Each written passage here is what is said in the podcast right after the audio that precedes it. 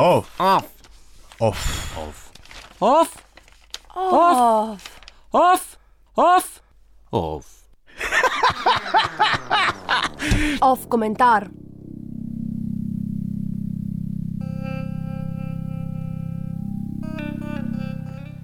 Bližnjevzhodne špekulacije in njihove žrtve.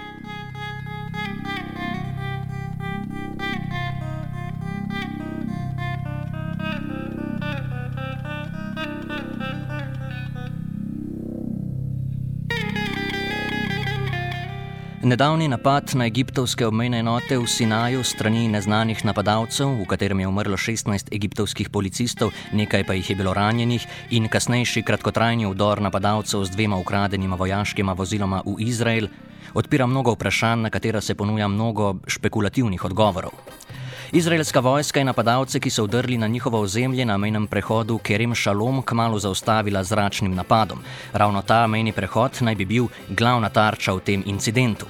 A žrtve napada niso zgolj egiptovski policisti in ubiti napadalci, temveč tudi prebivalci Sinajskega polotoka in Gaze, bolj posredno pa tudi Izraelci.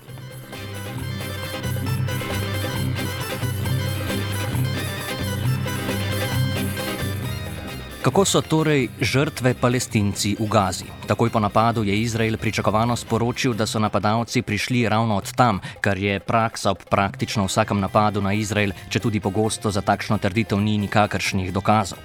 V Gazi vladajoče gibanje Hamas je potrebno čim bolj očrniti in ga označiti za skrajnega, saj je ta diskurs tako široko sprejet v svetovni medijski javnosti, namreč edina maska legitimnosti, ki Izraelu omogoča nadaljevanje politike izolacije in blokade tega dela Palestine. Izrael je takoj po napadu prehod Kerem Šalom, edini sicer izjemno redko odprt prehod, preko katerega lahko dobrine v Gazo vstopajo iz, iz Izraela, zaprl. Junija je recimo Katar preko Sinaja in Izraela v Gazo poslal 30 milijonov litrov goriva, ki ga Gaza zaradi blokade tako krvavo potrebuje. Izrael je takrat pošiljki po prošnji Egipta dovolil vstopiti v Gazo. Po zaprtju tega prehoda je to neizvedljivo.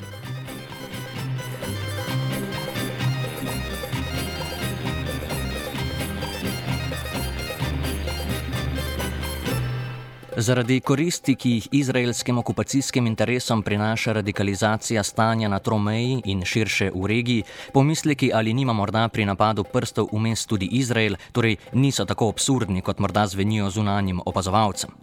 Izraelu namreč koristijo napetosti med Kajrom in Gazo, še posebej sedaj, ko zaradi ideološke kompatibilnosti med Hamasom in egiptovskim predsednikom iz vrst muslimanske bratovščine, gibanja iz katerega je išel tudi Hamas, raste upanje po tesnejših vezeh.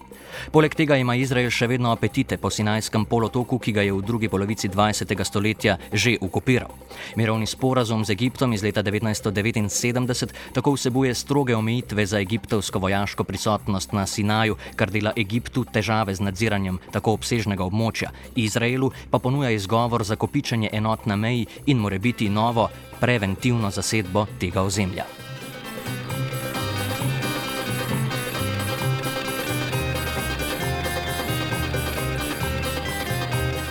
Bolj kot to, da je za napad Izrael obtožil palestince, je presenetljivo, da so to storile tudi egiptovske oblasti, če ravno brez dokazov.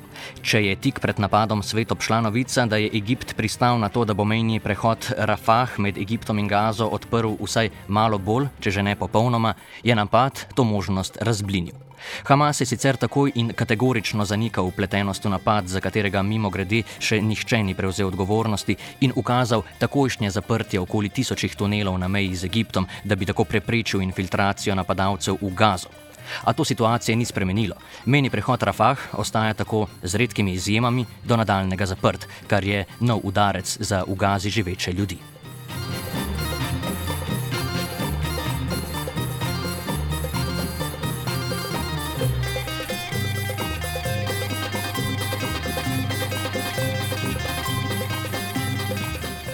Glede na to, da je komentar poln špekulacij, si privoščimo še eno, morda malce bolj provokativno. Obstajajo glasovi tudi znotraj Gaze, ki pravijo, da Hamasu ni veliko do tega, da se blokada konča ali preveč omehča, saj ima zaradi monopola nad tihotapljenjem iz Egipta velike zaslužke. Poleg tega pa lahko z blokado vedno zakrije tudi lastno slabo vodenje. je Hamas vendarle vsaj delno upleten v napad. To je sicer manj verjetno, saj je gibanje že sporočilo, da je pripravljeno zapreti vse podzemne prehode v Gazo, če se Egipt upre Izraelu in dovoli prost pretok blaga v in iz Gaze.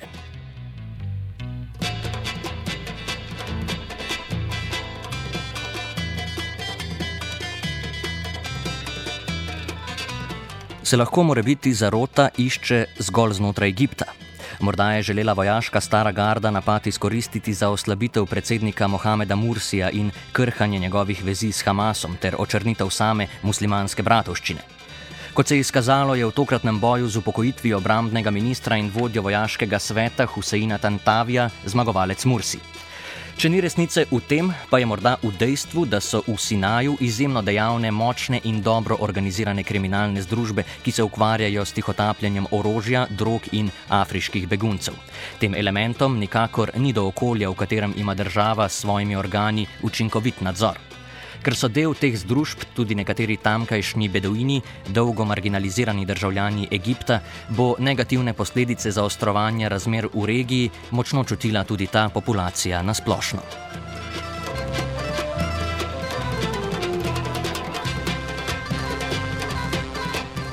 Katerakoli od teh špekulacij naj bo bliže resničnosti, zdi se, da kaotičen Sinaj ustreza določenim elementom na prav vseh straneh meja.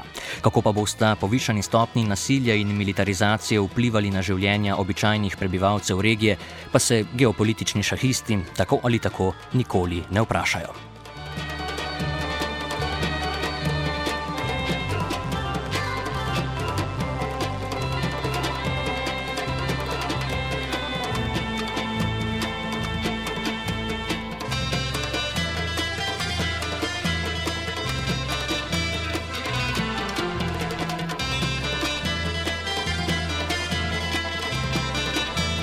Komentiral je Boris Vasov.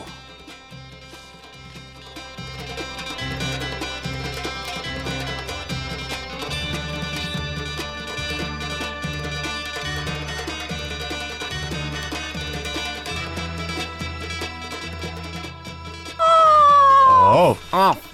Off. Off. Off. Off. Off. Off. Off komentar.